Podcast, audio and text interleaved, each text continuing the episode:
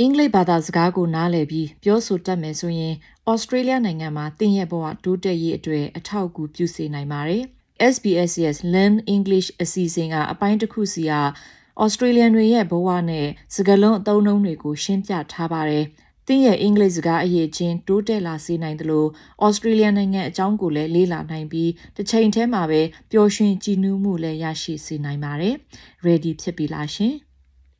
အပိုင်း၉မှာတော့ဩစတြေးလျနိုင်ငံရဲ့ရွေးကောက်ပွဲအကြောင်းကိုတက်တောင့်တက်တာနဲ့မိမိကိုယ်ကိုယုံကြည်မှုရှိစွာဘလို့ပြောဆိုဆွေးနွေးနိုင်တယ်လဲဆိုတာကိုလေ့လာရမှာဖြစ်ပါတယ်။အဲ့ဒါအပြင်ဩစတြေးလျနိုင်ငံရဲ့ရွေးကောက်ပွဲစနစ်အကြောင်းကိုလည်းလေ့လာရမှာဖြစ်ပါတယ်။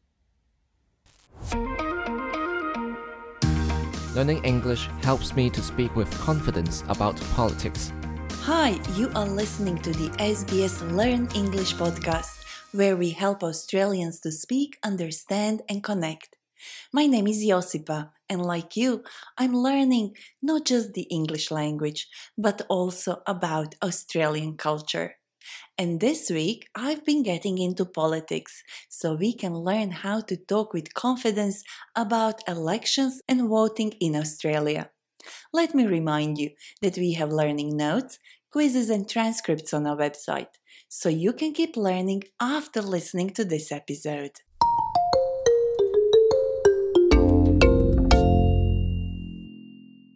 Election fever is around the corner.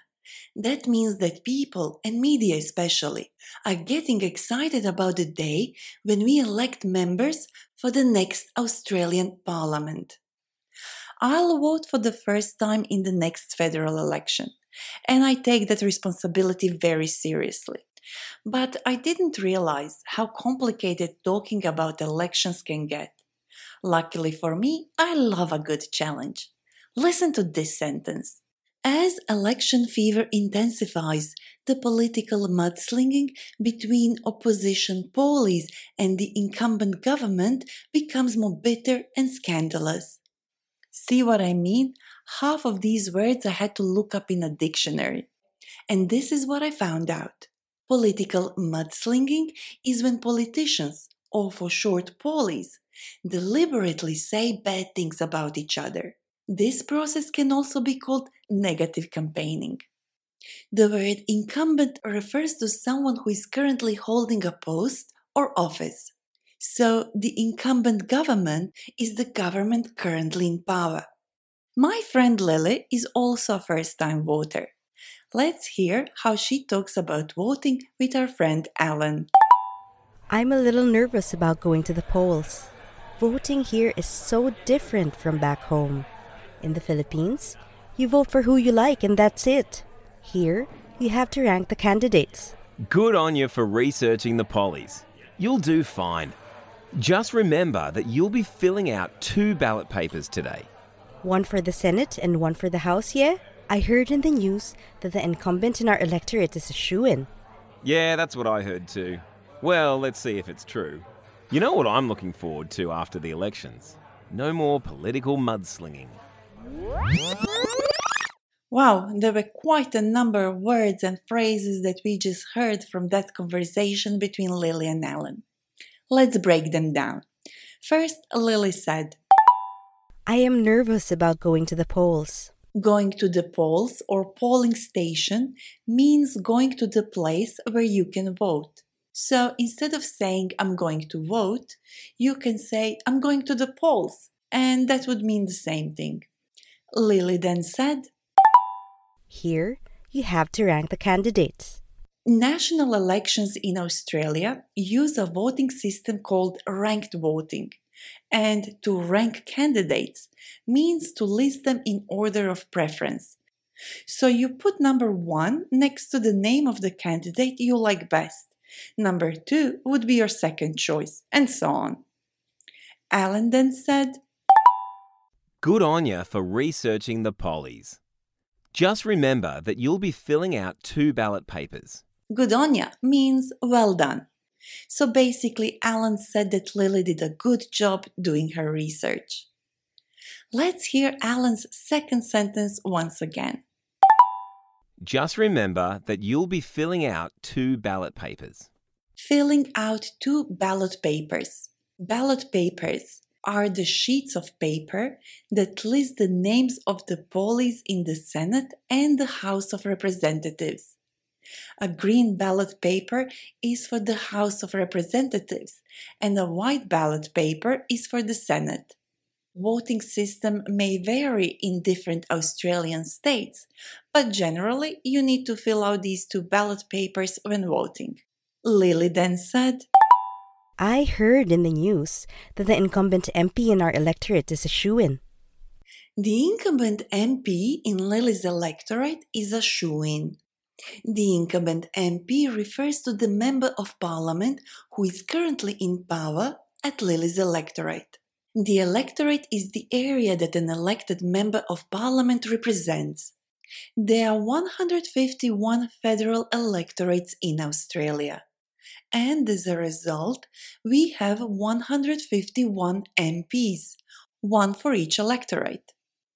So, according to the news, the incumbent MP in Lily's electorate is a shoo in, which means that the media report that this Polly, a politician, in Lily's electorate is certain to win. You can use the term shoo in when talking about other things, not just politics. For example, let's say that Lily is an actress who is very likely to get a role in a new theater play. I could say Lily is the shoo in for the main role in a play. That means that Lily has a great chance of getting the leading role. But just because she's the favorite for it, it doesn't mean that she'll definitely get it. Just like it doesn't mean that the incumbent MP in Lily's electorate will win, even though the media call him a shoe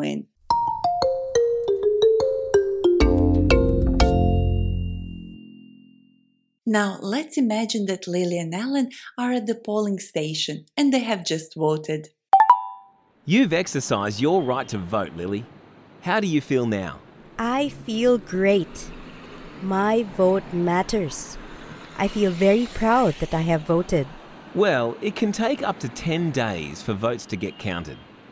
But you know what we can do now? We can go get a democracy sausage at the sausage sizzle. All of a sudden, exercising has something to do with voting, and there is a thing called democracy sausage. Oh well, let's hear these phrases once again. First, we have Alan. You've exercised your right to vote. While we know that typically exercising has something to do with fitness, exercising here means using our right to vote. So you can say, I exercised my right to vote. Lily then said, My vote matters. I feel very proud that I have voted. Lily said that her vote matters, and she is right because every vote can affect the result of an election, and it will determine who will form the next government. We also heard Lily saying that she is proud to have voted. Another expression you can use to say that you are going to vote in an election is I'll cast my ballot. The word cast can be tricky because it means a lot of things. But in this particular context, to cast a vote means to put your vote in.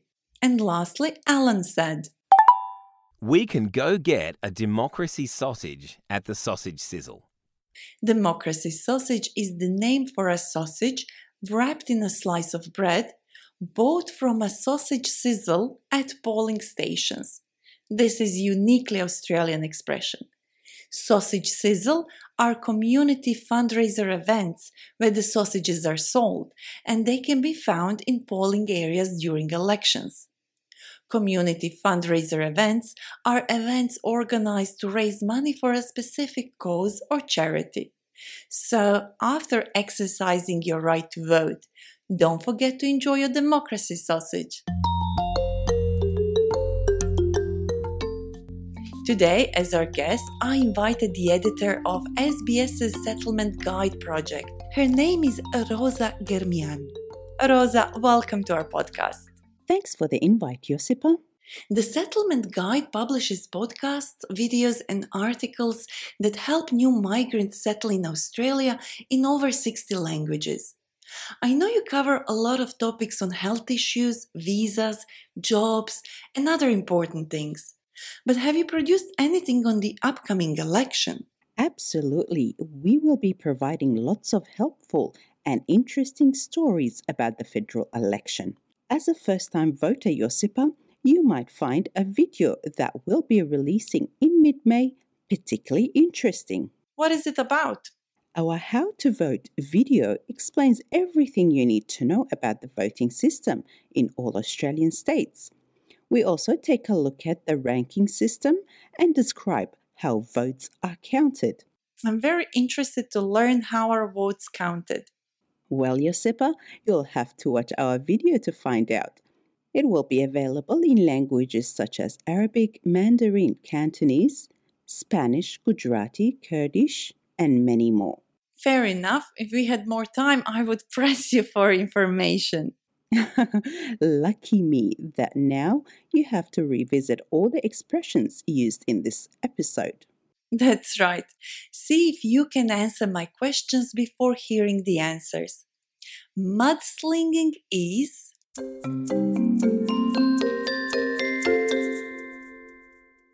Mudslinging means saying negative things about an opponent during a political campaign, also known as dirty politics.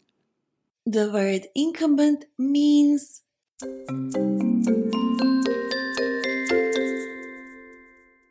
The word incumbent refers to someone who is currently holding a post or office.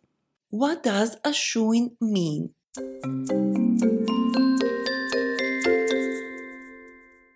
We say that someone is a shoo in when we talk about someone very likely to win a contest or a competition. We heard some different ways to say that you will vote. I'll exercise my right to vote. I am going to the polls. I'll cast my vote. I'll cast my ballot. I'll fill out ballot papers. We also heard some phrases that might help us talk about the election with confidence. In Australia, you have to rank the candidates. Good on ya for researching the pollies. My vote matters. I heard that the incumbent MP of our electorate is a shoo in. I'm proud that I voted. If you would like to find out more about how the Australian voting system works, visit the SBS Settlement Guide website, where you can find information in your language. And on our website, sbs.com.au slash learn English, you can test what you have learned in this episode with our quiz. There you can also find additional learning notes and transcripts. And if you would like to get in touch with us, send us an email learnenglish at sbs.com.au or you can reach out on Facebook. We are SBS Learn English. Thank you for listening. Learning English can change your life. Subscribe so you don't miss an episode and visit our website for learning notes and transcripts.